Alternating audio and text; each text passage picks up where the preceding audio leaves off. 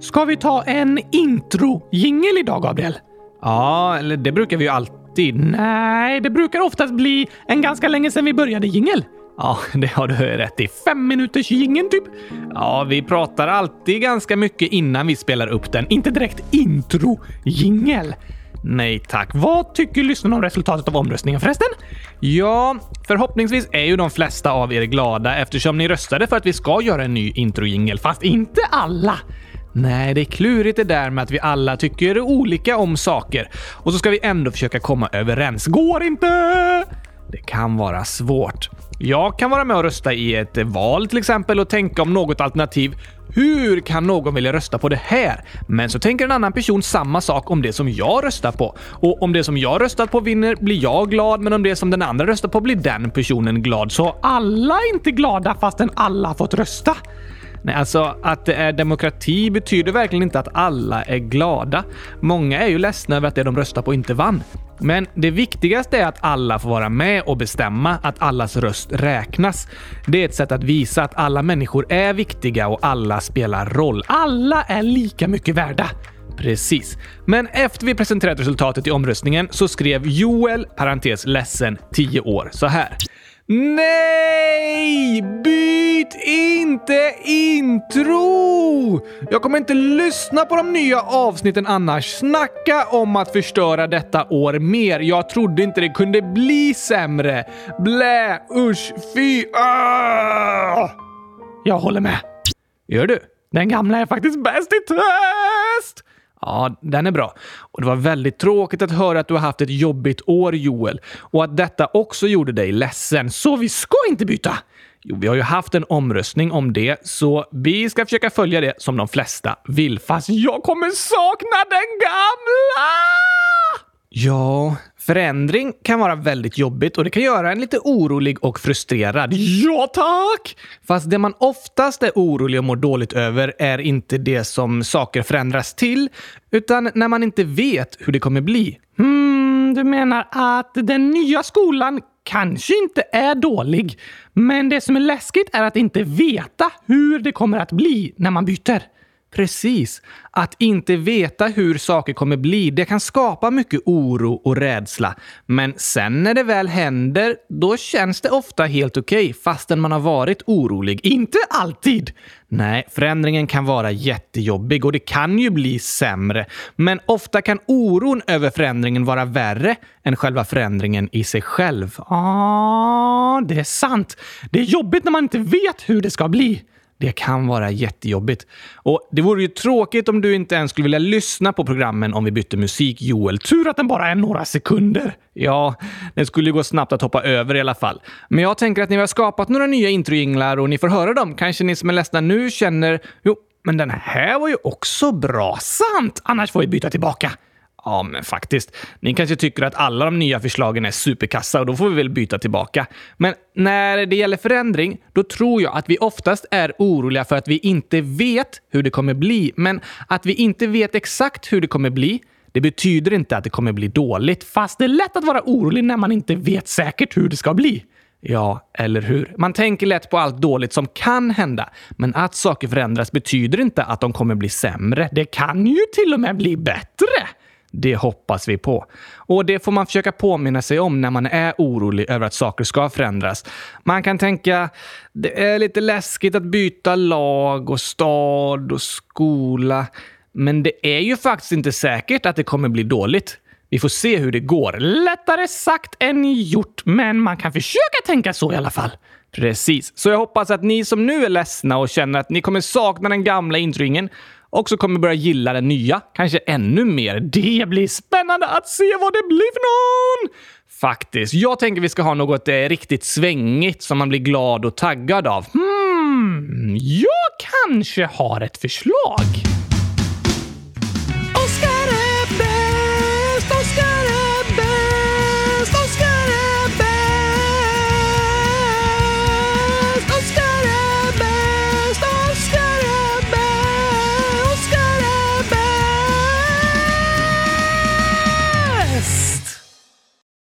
Um, ja, du. Det där var ju en fin låt. Ja, tack! Så skulle det kunna låta vänta, kanske.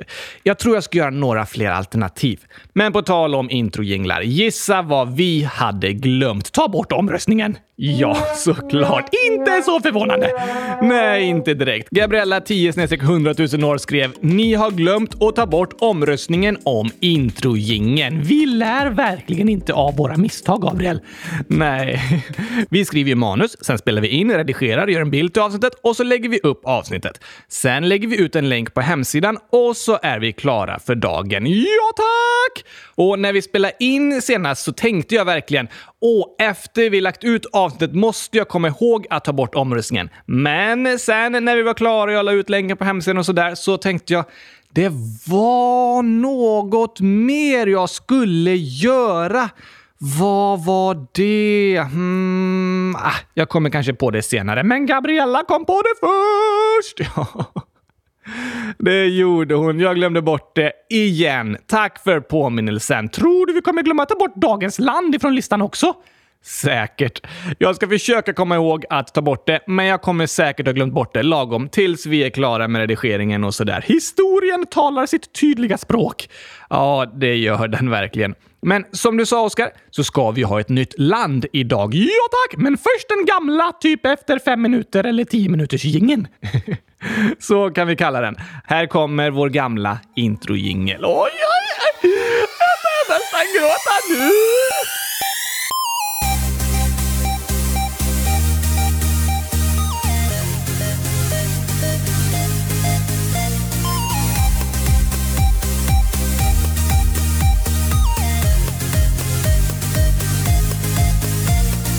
Åh, det var vackert! Jättefina! Oh, I alla fall. Äntligen måndag!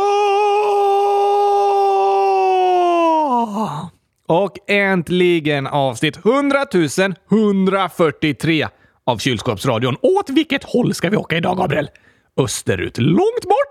Ja, väldigt. Ungefär 800 mil. Hur långt är det runt hela jorden? Men vid ekvatorn, där jorden är som bredast, är det 4000 mil. Så så långt bort man kan komma på jorden, det är 2000 mil. Va? Ja, den plats på jorden som är längst bort från platsen du är på är 2000 mil bort. Fast det är ju 4000 mil runt jorden. Precis. Då kan väl en plats vara typ 3900 mil bort? Nej, då är den 3900 mil bort en väg runt jorden. Men om man åker åt andra hållet ligger den ju bara 100 mil bort. Hmm. Om vi till exempel ska åka från Stockholm till Paris, då är det 150 mil om vi åker rakaste vägen sydväst från Stockholm. Okej? Okay? Men om vi istället för att åka sydväst mot Paris åker rakt åt andra hållet, åt nordöst, då kan vi åka runt hela jordklotet 3850 mil och sen komma till Paris. Aha, det är sant! Så vart man än ska åka på jordklotet kan man välja två vägar. Eh, ja, så skulle man kunna säga. Man kan säga att Stockholm och Borås ligger 3965 mil ifrån varandra. Nej, alltså fågelvägen är det 35 mil mellan Stockholm och Borås om du tar snabbaste vägen. Men om du åker åt andra hållet runt hela jordklotet, då är det 3965 mil. Ja, det är det ju. Du kan ringa till dina kompisar Gabriel och säga Hej! Vill ni hälsa på mig i Stockholm någon gång? Det är bara 35 eller 3965 mil bort beroende på vilken väg ni tar. Det låter onödigt att åka runt hela jordklotet när man ska till en plats i samma land. Och Det här är räknat fågelvägen. Kör man bil blir det ungefär 40 mil mellan Borås och Stockholm, för en bilväg går ju sällan exakt rakt mellan två platser. Just det! Men 2000 mil är det alltså till den plats som ligger längst bort på jordklotet. Precis. Från där du är nu finns det en plats på exakt andra sidan jordklotet och den är 2000 mil bort. Spelar ingen roll åt vilket håll du åker. Nej, då är det lika långt från båda hållen. Var ligger 2000 mil ifrån Sverige? Oj då. Ja, men eh, vi var ju på Nya Zeeland i ett avsnitt och det ligger nästan på andra sidan jordklotet från Sverige. 1760 mil är det till södra Nya Zeeland härifrån Stockholm. Antarktis då? Ja, den delen av Antarktis som ligger längst härifrån ligger ungefär 1800 mil bort. Men den punkt som är exakt på andra sidan jorden från Stockholm där vi är ligger ute i havet mellan Nya Zeeland och Antarktis. 2000 mil bort! Precis, det kallas Stockholms antipod. Antipod? Är de emot kylskåpsradion där? Nej, inte antipod.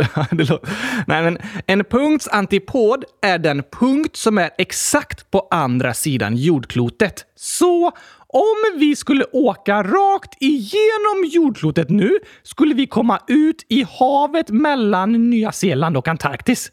Precis. Och var man än är i Sverige så är ens antipod någonstans i det havet. Det är ett stort hav. Superstort. Men vet du att det finns några öar som ligger utanför Nya Zeeland som heter just Antipodöarna? Va? Ja, det är den landmassa som är närmast Sveriges antipod. Heter de bara det i Sverige då? Nej, alltså de öarna döptes av engelsmännen till Antipodes Islands för att det är de öar som ligger närmast Londons antipod som också ligger ute i havet. Aha! Bor det någon där? Nej, det är obebodda vulkanöar. Jättelångt från allt annat land. Wow! Men du sa att det är 2000 mil dit. Hur långt blir det om vi åker rakt igenom jordklotet istället? Då är det lite närmare, ungefär 1300 mil. Fast det går snabbare att åka ovanför jorden, för det skulle ta väldigt lång tid att gräva ett hål. ja, det går ju inte att åka rakt igenom jorden, men om det skulle vara ett hål rakt igenom jorden och man skulle hoppa ner i det, hur lång tid skulle det ta att ramla genom hela jorden till havet utanför Nya Zeeland? Oj, spännande fråga, Oskar. Jag läste faktiskt om en student på ett universitet i Kanada som räknat på det här och försökt räkna med alla fysiska variabler om hur densiteten förändras på resa inom jorden och accelerationen och så vidare.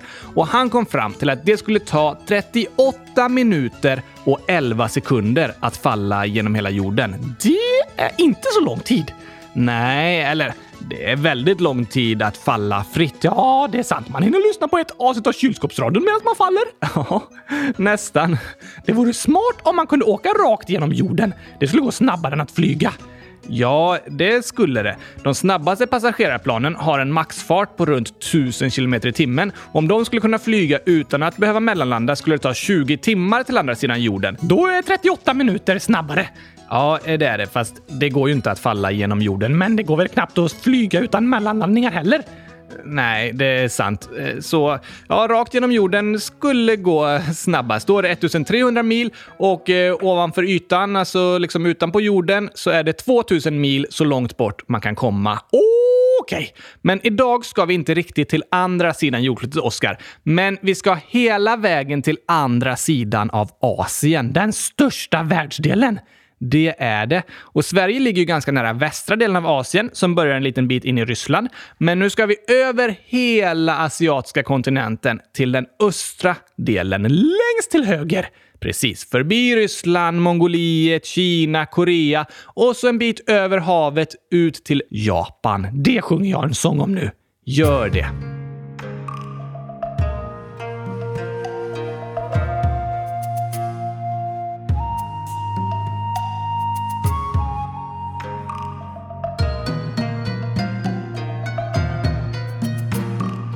Dags att resa österut, i fantasin går det på en minut till ön med världens största stad med mat smaksatt av wasabiblad. Sumobrottare och samurajer, Shibuya-korsningen med folk i kavajer. Sushi, ramen och Fuji-vulkanen finns alla med i avsnittsplanen. Världens längsta regerande dynasti, men nu är det en demokrati. Kejsaren finns dock fortfarande kvar, men inte längre med samma ansvar. De är duktiga på att skapa teknik som Playstation med cool grafik. Bilar byggs det massor här och i varje gott hörn finns en liten affär. Världens tredje största ekonomi, mangaböcker att läsa i och körsbärsträd som blommar så grann finns i dagens land, Japan.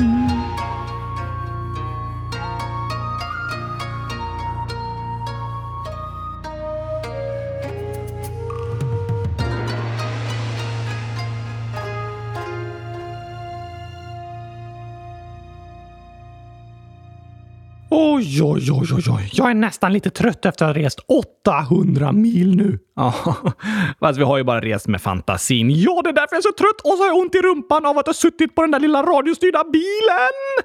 Det är inte din bil vi har rest med, Oskar. Vi har rest i fantasin. Det går ännu snabbare än att hoppa genom jorden. Det gör det faktiskt. Är vi i en annan tidszon nu då? Ja, absolut. Vi har åkt österut. När man åker åt sidan på jorden, liksom, då ändras ju tidszonerna för att jordklotet snurrar åt sidan. Precis. Men reser vi uppåt eller nedåt, alltså norrut eller söderut, då stannar vi i samma tidszon. Men Japan ligger nästan rakt österut från Sverige och de ligger i tidszon plus 9. Så idag så ligger de sju timmar före Sverige. Men på söndag, då byter vi ju tid i Sverige till vintertid. Just det! Då ställs klockan tillbaka. Ja, Fram på våren, tillbaka på hösten. som gurkaplantorna. Vadå? De kommer fram på våren och går tillbaka på hösten. Ja, jo. Som blommor och gurkaplantor som kommer fram på våren och drar sig tillbaka på hösten. Byter de tid i Japan? Nej, de gjorde det förr i tiden men slutade faktiskt redan på 50-talet. De är alltid i tidszon plus 9 nu, så nästa vecka kommer de ligga 8 timmar före Sverige istället. Det är stor skillnad. Verkligen. Och i somras skulle det varit OS i Tokyo, men det blir flyttat nästa sommar. Och då kommer det vara tv-sändningar som antagligen kommer gå mitt i natten i Sverige. Just det! För när klockan är fyra på natten i Sverige är den tolv på dagen i Japan. Nästan rätt, Oskar. OS är på sommaren och då är det sju timmars skillnad, så klockan fyra på natten i Sverige är den elva på morgonen i Japan. Många tävlingar sker ju på eftermiddagen eller kvällen och då kommer de sändas mitt på dagen i Sverige. Tokigt! Det är tokigt med tidszoner och de märks tydligt när man ska kolla på sport live och när man reser mellan länder. Så om man kommer från Sverige till Japan är det svårt att somna på kvällen. Precis. När klockan är 11 på kvällen i Japan och det är dags att sova så är det ju bara fyra på eftermiddagen i Sverige. Då är det svårt att somna för natten. Eller hur? När man reser mellan tidszoner kallas det att man får jetlag. Det tar ett par dagar för kroppen att vänja sig vid den nya tiden. Det går ju inte bara att en dag lägga sig vid 11 på kvällen och så nästa dag somna redan vid klockan fyra. Nej tack! Men varför heter det jetlag? För det kommer från att man reser med jetflygplan. Tidigare, om man till exempel åkte båt eller med långsamma tåg mellan olika tidszoner, då tog det så lång tid att kroppen hann ställa om under resan. Men nu flyger vi så snabbt mellan tidszonerna att kroppen inte hänger med. Aha! Jetflygplanläge! Precis. Men dags för våra 16 långsamt snabba. Ja, vi har redan tagit tidszon nu. Just det, vi tar de andra. Det gör vi. Språk. Japanska. Talar alla det?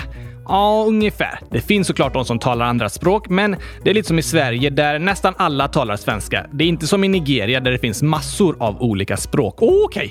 japanska bokstäver ser superkluriga ut. Verkligen.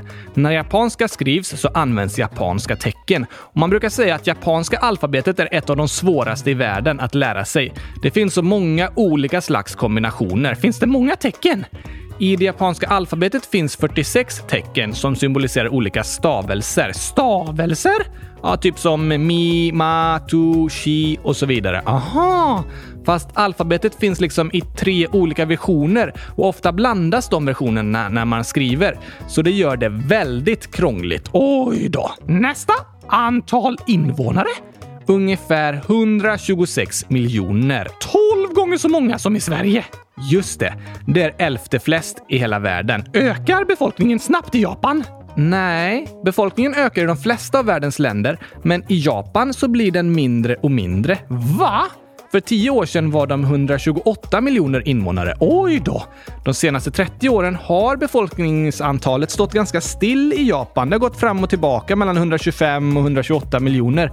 Men innan dess så ökade den väldigt mycket. Och något Japan är kända för är att de har längst medellivslängd av alla länder i världen. Vad betyder det? Alltså i snitt hur gammal en person blir. Aha! Då betyder det att människor mår bra och lever länge i det landet. Ja, så skulle man kunna säga. I Japan är så kallad förväntad livslängd 83,7 år. I Sverige? 82,4 år. Vi ligger på nionde plats. Inte illa! Nej, verkligen inte. Japan har också världens näst lägsta spädbarnsdödlighet och den näst lägsta mordfrekvensen. Aha! Det är goda betyg. Väldigt goda betyg. Hur stort är Japan då? Ungefär 380 000 kvadratkilometer. Mindre än Sverige? Precis, men med många fler invånare. Då måste de bo tätt. Det gör de. 335 invånare per kvadratkilometer. Mycket mer än Sverige som bara har 20! Ja, Japan ligger på plats 24 av alla länder i världen beräknat på hur tätt man bor. Men de flesta länder som är mer trångbodda än Japan har ju inte lika många människor totalt, utan det är ofta mindre länder både till ytan och i antal invånare. Just det! Så det bor många människor på en liten yta i Japan. Det gör det. Statsskick då? Eh, pinnar, va? Pinnar? Ja, när de äter. Aha, ja. Det är vanligast att äta med pinnar i Japan, men vi pratar inte om bordsskick nu, utan statsskick. Just det, ja! Och Japan är en parlamentarisk konstitutionell monarki. Mon monarki? Har de en kung? Ungefär, fast i Japan kallas monarken för kejsare. Aha! Är det kejsaren som bestämmer? Nej, Japan är en demokrati, så kejsaren är främst en symbol för staten, ungefär som kungen i Sverige. Men det som är speciellt är att Japan som kejsardöme har en väldigt lång historia. Det grundades officiellt år 660 före Kristus, nästan 2700 år sedan. Precis, det är gammalt. Genom historien så var tron i Japan att kejsaren var en levande gud och det japanska kejsardömet kallas världens äldsta regerande dynasti. Naruhito, som blev kejsare förra året, är den 126 kejsaren i Japan. Kommer alla från samma familj? Ja, det gör de. De tillhör samma släkt och den familjen har varit kejsare i snart 2700 år. Oj då! Därför kallas det världens äldsta regerande dynasti. Och den japanska historien delas upp efter de olika kejsarna. Hur då? Till exempel kallas åren 1926 till 1989 för Showa-perioden i Japan. Det var mellan de åren kejsaren Hirohito regerade och det året som vi kallar 1945 räknas i Japan som Showa 20, för det var det 20 året efter att den kejsaren började regera. Aha! Ah, så tiden i historien delas upp efter när de bytte kejsare? Precis. Och efter att en kejsare har dött kallas han inte längre för sitt namn utan för namnet på tiden han var kejsare. Hirohito kallas därför för Showa-kejsaren för att den tidsperioden när Hirohito var kejsare kallas Showa-tiden. Vad betyder det? Showa betyder upplyst fred och just Showa är den längsta perioden i Japans tideräkning. För den kejsaren, alltså Hirohito, satt längst på tronen i 62 år. Och det var också en väldigt speciell tid i Japans historia. Var Japan med i andra världskriget? Ja, fast den delen av kriget brukar kallas Stilla havskriget. Aha, för att det var i Stilla havet? Precis. Och efter det kriget så ockuperade USA Japan ett tag, tills Japan blev självständigt igen på 50-talet. Men då styrde inte kejsaren längre, utan Japan blev en demokrati. Okej, okay. vilken plats ligger de på på demokratiindex? 24. Det är precis efter Sydkorea, så de tillsammans är de högst placerade länderna i Asien. Jag fattar! Ska vi ta lite Japan-skämt nu? Har du Japan-skämt? Ja, det lät ju roligt eh, om de inte är taskiga. Nej tack! Då kör vi.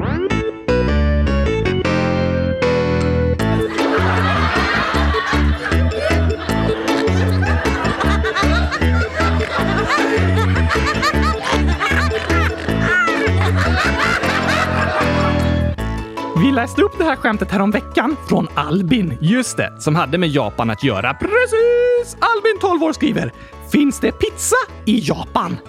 Vad var det nu? Um, ja, något sånt. Ja, pizza... Ja, nej, hur, hur var det, Oskar? Japanpizza! Just det, Japanpizza. Är det en speciell japansk pizza? Nej, det bara låter så när man säger namnet på landet. Japanpizza. Panpizza är ju en amerikansk pizza som är extra tjock. Finns det pizza i Japan? Alltså, det är inte en del av den klassiska japanska matkulturen, men såklart går det att köpa pizza i Japan. Det går att göra i alla världens länder. Sant! Men vet du vad man säger i Japan om man inte riktigt hörde vad ens kompis sa? Oj, hmm, något särskilt ljud eh, liksom? Nej tack. Ett ord? Ja tack! Jag hörde inte... Va? Ja... Eh, nej, jag vet inte. Wasabi? Just det, wasabi! Wasabi är en växt som även kallas japansk pepparrot och den har en väldigt stark smak och äts särskilt till sushi. Just det, den där lilla gröna röran. Precis, det ser ut som att den ska ha gurkasmak. Ja, faktiskt. Det har den inte. Nej, den är väldigt stark. Inte som gurka. Nej tack, ät den inte! Och alltså man får vara försiktig och smaka lite i taget. Men jag gillar verkligen wasabi fastän det inte smakar gurka. Ja, jag gillar ju annat än gurka också. Helt otroligt, Gabriel. Verkligen. Men vet du varför det är så dyrt i Japan? Dyrt? Ja, det brukar man säga. Det är många som i alla fall tror. Men varför? Hmm, nej, jag vet inte. För att när man betalar i Japan måste man betala igen. Igen? Va? Betala två gånger? Vad menar du? Ja, igen. I, i, i, Den japanska valutan, alltså pengarna, heter yen. Precis! Så när man betalar måste man betala igen. det låter ju dyrt. Kan du säga hur mycket en krona är värd igen? I, igen? Det har jag inte sagt något om. Nej tack! Eller vad menar du? Kan du säga det igen? Skämtet? Nej, vad en krona är värd! Igen. Precis, kan du säga det igen? Ja, va, va, aha, ja. Jag trodde du menade att jag skulle säga det igen, fast du frågar vad en krona är värd i japanska yen. Ja, tack! en krona är i dagens växlingskurs värd ungefär 12 yen. Okej, okay. är det dyrt i Japan? Alltså, det är en ganska vanlig myt skulle man kunna säga. Myt? En myt är något som många tror, fast inte alltid att det är sant. Aha! Japan fick ett rykte om sig att vara väldigt dyrt på 80-talet, alltså typ 40 år sedan. Var det det då? Ja, Japan hade en väldigt snabbt växande ekonomi under andra delen av 1900-talet och landet utvecklades supermycket och även priserna ökade. Så jämfört med många andra länder i världen var Japan ganska dyrt då. Men efter det så har Japans ekonomi gått ner väldigt mycket. Så på många sätt är det i alla fall billigare än i Sverige idag. Är Sverige dyrt? Ja, Sverige är ett av världens rikaste länder, så det är ganska dyrt här om man jämför med de flesta andra. Aha! Men att Japan är ett väldigt dyrt land, det är till viss del en gammal myt som lever kvar. Det som dock är ganska dyrt, det är att hitta någonstans att bo, för det är så trångt. Ja, precis. Japan är till ytan mindre än Sverige och 70 procent av Japans yta är berg. Oj då! Har de höga berg? Det har de. Det högsta berget Fuji är en vulkan som är 3776 meter hög och en nationalsymbol för Japan. Wow! Men eftersom 70 procent av landet är berg så finns det bara 30 procent kvar för folk att bo på. Och så bor det 126 miljoner människor där. Eller hur? Då blir det trångt och ganska dyrt med boende. Fast eh, om man jämför med Sveriges storstäder så är det ungefär samma nivå. För i Sverige i städerna är det också svårt och dyrt att hitta någonstans att bo. Vilken är största staden i Japan då? Japans huvudstad och största stad och till och med världens största stad är Tokyo. Världens största stad? Ja, jag brukar säga att det är svårt att jämföra storlek på städer för det beror på var man drar gränsen liksom. Ja tack! Men på de flesta listor över världens största städer så ligger Tokyo i topp. Om man räknar på storstadsområdet bor det cirka 38 miljoner människor där. 38 miljoner? Ja, det låter trångt. Det är det verkligen. Och vet du, jag har två kollegor som också jobbar på Frälsarmen här i Stockholm och de har bott i Tokyo i Japan. Va? Så inför det här avsnittet frågade jag om de ville berätta något om hur det är att bo där. Och en sak de sa är att i den japanska kulturen är det väldigt oartigt att prata högt och man får inte heller äta eller dricka på bussen, tåget eller tunnelbanan. Varför inte? För man har en väldigt stor respekt för människorna runt om och man vill inte göra något som kan uppfattas irriterande eller stötande mot dem. Aha! För man är så många människor. Precis. Att ens äta ute på gatan är inte okej. Okay. Därför finns det knappt några offentliga soptunnor ute på stan. Va? Det är något som turister ofta reagerar på när de åker till Japan. De tänker, här finns inga soptunnor, men ändå är det så rent. Så i Japan har kulturen anpassats efter att de bor så många människor tillsammans? Det skulle man kunna säga. Det finns vissa särskilda sätt att bete sig på som blivit vanliga på grund av att de är så otroligt många människor på en liten yta, särskilt i Tokyo, världens största stad. Ja, sa dina kollegor något mer? En annan grej de berättade var att det finns eh, små affärer överallt som är öppna dygnet runt. Dygnet runt? Precis. Finns någon i varje kvarter. Det är ju inte så vanligt i Sverige, så om jag vaknar mitt i natten och är sugen på gurkaglass finns det en affär öppen som säljer det. Ehm, jag vet inte om de säljer gurkaglass, men kanske gurkor och eh, glass. Åh, oh, jag vill bo i Japan! Landet där man kan köpa gurkor när som helst. ja, är det vanligt med gurkor i Japan? Ja, ganska. Det finns en sorts gurka som kallas japansk gurka. är den gurka grön? Ja, den blir ju gurkagrön eftersom det är gurkans färg. Men ja, den är gurkagrön och smal och avlång. Ganska lik de gurkor vi brukar köpa i affärerna i Sverige. Men i Japan så är det vanligt att skörda gurkorna väldigt tidigt för att de ska ha en extra söt smak som passar bra i sushin. Jag älskar sushi! Med bara gurka. Ja, tack! Jag skulle inte kalla det sushi. Men, men har du några mer fun facts om Tokyo? Oj, ja. Förutom alla småbutiker som jag berättade om så finns det också såna där varuautomater överallt. Ni vet, typ skåp med glasdörrar där man kan köpa dricka, godis, mackor eller annat. Kan man köpa gurkaglass idag? Jag tror inte det, men nästan allt annat. Och jag hittade statistik som sa att ungefär var tolfte meter i Tokyo finns det en varuautomat. Var tolfte meter! Precis, så man behöver aldrig oroa sig över att bli törstig. Det finns alltid möjlighet att köpa något att dricka. Oj då! Enligt beräkningarna går ungefär 3% av all elektricitet i Japan till varuautomater. Då finns det många! Supermånga. Men förutom den lite enklare maten i varuautomaterna har Tokyo också flest av världens bästa restauranger. Har du smakat? Nej, men det finns en känd bedömning av restauranger som kallas Michelinstjärnor och en superbra restaurang kan få en Michelinstjärna. En ännu bättre kan få två och de bästa av de bästa och dyraste eh, precis. De kan få tre stjärnor och Tokyo är den stad i världen med flest topprestauranger med tre Michelinstjärnor. Aha, men vet du Gabriel? Om de skulle börja servera gurkaglass, då skulle de få hundratusen Michelinstjärnor! Nej, nej, det går inte och det tror jag inte de skulle få. De skulle få 100 000 Oscarsstjärnor i alla fall. Det är i alla fall säkert. En annan spännande grej från Tokyo är Shibuya-korsningen.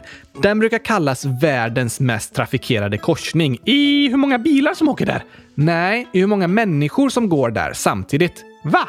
Ja, det kommer liksom vägar från alla fyra riktningar och så möts de i korsningen och ibland så stängs alla vägar av samtidigt. Får de rött ljus på samma gång? Precis, och då kan människorna korsa åt alla håll, åt höger, vänster, snett över till andra sidan och så vidare.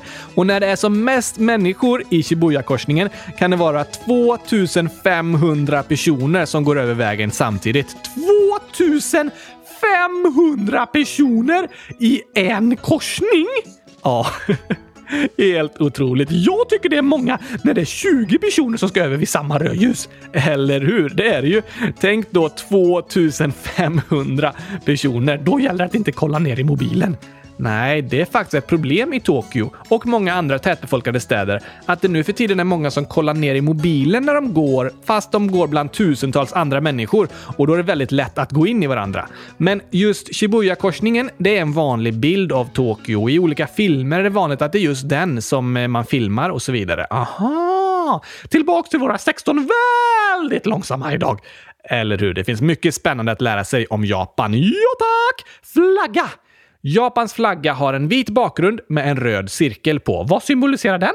Den röda cirkeln symboliserar den uppgående solen. Aha! Flaggans namn är solflaggan. Vanlig mat då? Äter alla i Japan sushi? Alltså nej, sushi är verkligen känd japansk mat och i Sverige är sushi superpopulärt numera, särskilt gurka-sushi. Eh, ja, det är vanligt att det kan finnas gurka med i sushin, men inte bara gurka. Men sushi kan ju se ut på väldigt många olika sätt och det finns många olika sorters. Men finns det andra vanliga maträtter i Japan också? Såklart. Ramen är väldigt populärt. Det är en slags nudelsoppa. Aha! Och eh, dumplings, eller gyozas kallas de också. Det är ett slags degknyten med kött eller grönsaker i. Och såväl sushi som ramen och dumplings, det är vanligt att hitta i japanska restauranger i Sverige också. Men såklart så är den japanska matkulturen mycket större än så. Det äts massa olika saker. Okej, okay. vanligaste sporten? Japans nationalsport är sumobrottning. Det har jag sett! Det är två brottare mot varandra i en ring och den som först lämnar ringen eller nuddar marken med någon annan del än fötterna har förlorat. Jag har sett sumobrottare som är superstora. Ja, det är vanligt att sumobrottarna är väldigt stora och tunga för att det ska vara svårt att liksom kunna flytta på dem. Andra kampsporter brukar dela in deltagarna i olika viktklasser, men i sumobrottning har man inte det, utan istället är målet att bli så stor som möjligt för att få bättre förutsättningar att vinna. Men det betyder inte att de inte tränar mycket. De professionella sumobrottarna kan träna fem timmar om dagen under jättehård disciplin. Sumobrottningen har en historia på över tusen år och den är väldigt eh, tätt länkad till den japanska kulturen. Bland annat så låter de professionella brottarna håret växa ut så att det blir långt och kan sättas upp i en traditionell knut. Den eh, liksom håruppsättningen kommer från samurajernas tid. Vilka är samurajerna? Det var adliga krigare i Japan från 700 till 1800-talet. Var de eh, väldigt högt ställda i samhället? Ja, det kan man säga. Och det fanns en hederskodex som kallas Bushido och betyder typ krigarens väg. Och den beskriver hur en samuraj skulle leva och dö. Och mycket av japansk kultur baseras fortfarande på detta. De viktigaste plikterna handlar om att visa mod och lojalitet mot sin herre. Aha! Finns det fortfarande samurajer i Japan? Ja, det finns liksom personer och familjer med samurajbakgrund, men som samhällsklass finns inte samurajerna kvar. Utan de lever främst kvar som symbol för det historiska Japan och den klassiska krigarmoralen.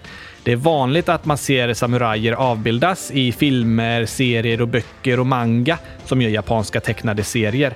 Och arv från samurajernas stridskonst, det finns kvar i andra kampsporter som till exempel jujutsu. Är det från Japan?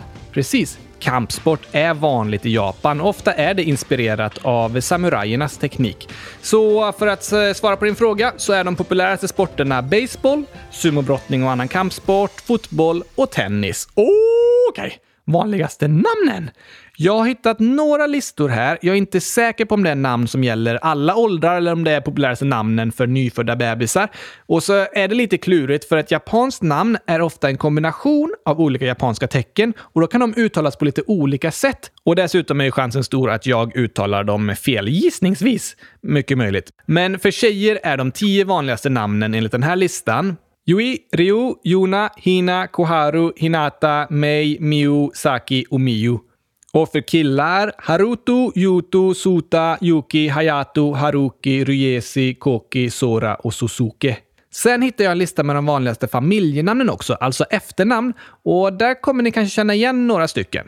Det är Sato, Suzuki. Det är en motorcykel! Precis. Det finns ett bil och motorcykelmärke som heter Suzuki och det är det näst vanligaste efternamnet i Japan. Har de fått namn från bilen? Nej, bilen har fått namn från efternamnet. Aha, såklart. Sen har vi också Takahashi, Tanaka, Watanabe, Ito, Yamamoto, Nakamura, Kobayashi, Kato, Yoshida, Yamada, Sasaki, Yamaguchi, Saito, Matsumoto, Inoue, Kimura, Hayashi och Yamasaki. Det märks att det japanska språket kommer från en annan del av världen än svenskan. Eller hur? Det är två helt olika språkfamiljer och det märks även på namnen. I många länder i Europa och även länder som varit europeiska kolonier så finns det ju vissa namn som är vanliga i flera länder, särskilt bibliska namn som till exempel Maria. Men det märks på namnen att Japan har en helt annan historia i språk, kultur och religion än vi har i Europa. Det är häftigt! Det är faktiskt väldigt häftigt och spännande. Men eh, vad har de mest av? Förutom sumobrottare, varuautomater och lyxrestauranger? ja du, Japan är idag världens tredje största ekonomi efter USA och Kina. Och de är kända för sin utveckling av modern teknik. De har massa kända märken som Sony, Canon, Nintendo, Panasonic, Nikon, Toshiba, Yamaha och så vidare. De låter japanska. Eller hur? Och vi är ju ganska vana vid att teknikprodukter har japanska namn, för de utvecklar supermycket bra teknik där. Och bilar. Finns det många japanska bilar? Ja, jättemånga. De största märkena är Toyota, Mitsubishi, Honda, Nissan, Suzuki, Mazda och Subaru. Så teknik och bilar. Det är verkligen Japan kända för. Några frågor kvar. Nationaldjur? Grön fasan. Ett hus? Va? Ja, ett grönt hus. Nej. En grön fasad. Nej, fasad är liksom utsidan av ett hus. Och den ska vara gurkagrön! Um, man kan ha en gurkagrön fasad om man vill. Men Japans nationaldjur är en grön fasan. Vad är det? En fågel. Aha, som flyger! Den kan flyga korta sträckor, men den brukar mest gå runt. Finns det fåglar som inte flyger? Ja, det är ganska vanligt. Hönor till exempel. Just det! Både hönor och fasaner har vingar, men de brukar mest gå runt på marken. Största sjöarna och öarna? Japan som land är ju en ö öster om asiatiska kontinenten. Är det en stor ö eller många små? Totalt finns det 6 852 öar som hör till Japan och av dem är cirka 430 bebodda. Så det finns många öar runt om Japan, men främst består landet av fem huvudöar och den största av dem heter Honshu. Det är den i mitten liksom och där bor de flesta japanerna, över 100 miljoner av dem. Aha, sjöar då? Den största sjön heter Bivasjön och är inte så stor om man jämför med Sveriges största sjöar. Den är mindre än en tredjedel av Vättern, men det räknas som en av världens äldsta sjöar. Oj! Den ligger i södra delen av ön Honshu. Sista frågan! Kända godisar? Hmm, ja. Ska vi googla och kolla eller? Uh, japanskt godis. Mm, oj! Det ser verkligen japanskt ut! Ja, jag håller med. När vi tänker oss japansk kultur nu så ser vi liksom en särskild stil framför oss med mycket färger och en extravagant paketering. Japansk kultur är ganska populärt i Sverige idag i form av popband och manga och så även mat och japanska företag. Det är sant! Så även om vi i Sverige generellt kanske inte känner till så mycket om Japan som land så har vi mycket med Japan att göra väldigt ofta i form av kultur, mat, teknik och bilar. Stämmer! Vad äter de för slags godis då? Jo, jag hittar en på en topplista här som heter Ramune. Den smaken är populär både som godis och läsk. Smakar den gurkaglas? Nej, då vill jag inte smaka. kan jag tänka mig. Jag skulle gärna smaka. Det kan du få göra, men nu är vi klara! Det var spännande att vara i Japan. Visst var det. Japan är ett väldigt spännande och intressant land och det finns såklart mycket, mycket, mycket mer att prata om och berätta. Ska vi hålla på i två timmar till kanske? Nej, det tror jag inte riktigt vi orkar. Jag tror vi ska få avsluta här för idag. Okej. Okay. Och så får vi ladda upp inför ett nytt avsnitt på torsdag. Äntligen ett nytt avsnitt på torsdag! Vi säger äntligen i förväg inför på torsdag. Och då kommer vi presentera förslagen på årets julkalender. Så skynda er att gå in på hemsidan och skriv vad ni tycker vi ska ha för tema innan på torsdag. Skriv i frågelådan på kylskåpsradion.se. Gör det. Men innan vi avslutar dagens avsnitt så ska vi skicka med två hälsningar. Den första är från André, 7, snart 8 år. Jag fyller år 21 oktober. Yay! Grattis! Verkligen stort grattis till dig André! Och det säger vi också till Simon, 12 år. Jag fyller 13 imorgon. Skriver detta ganska sent men hoppas ändå jag kan få ett grattis eftersom det kommer ett avsnitt då. När skrev han det? Igår. Då fyller han år idag! Precis, det var tur att jag gick in och kollade en sista gång innan vi la ut avsnittet. Ibland spelar vi ju in avsnittet lite i förväg och då kan det vara klurigt att få med födelsedagarna som kommer in i sista stund. Men idag hann vi få med den. Så stort, stort grattis Simon och Andrea! Hoppas ni får äta gurkglass tills magen spricker! Nej, det hoppas vi verkligen inte. Okej, okay, inte så mycket kanske.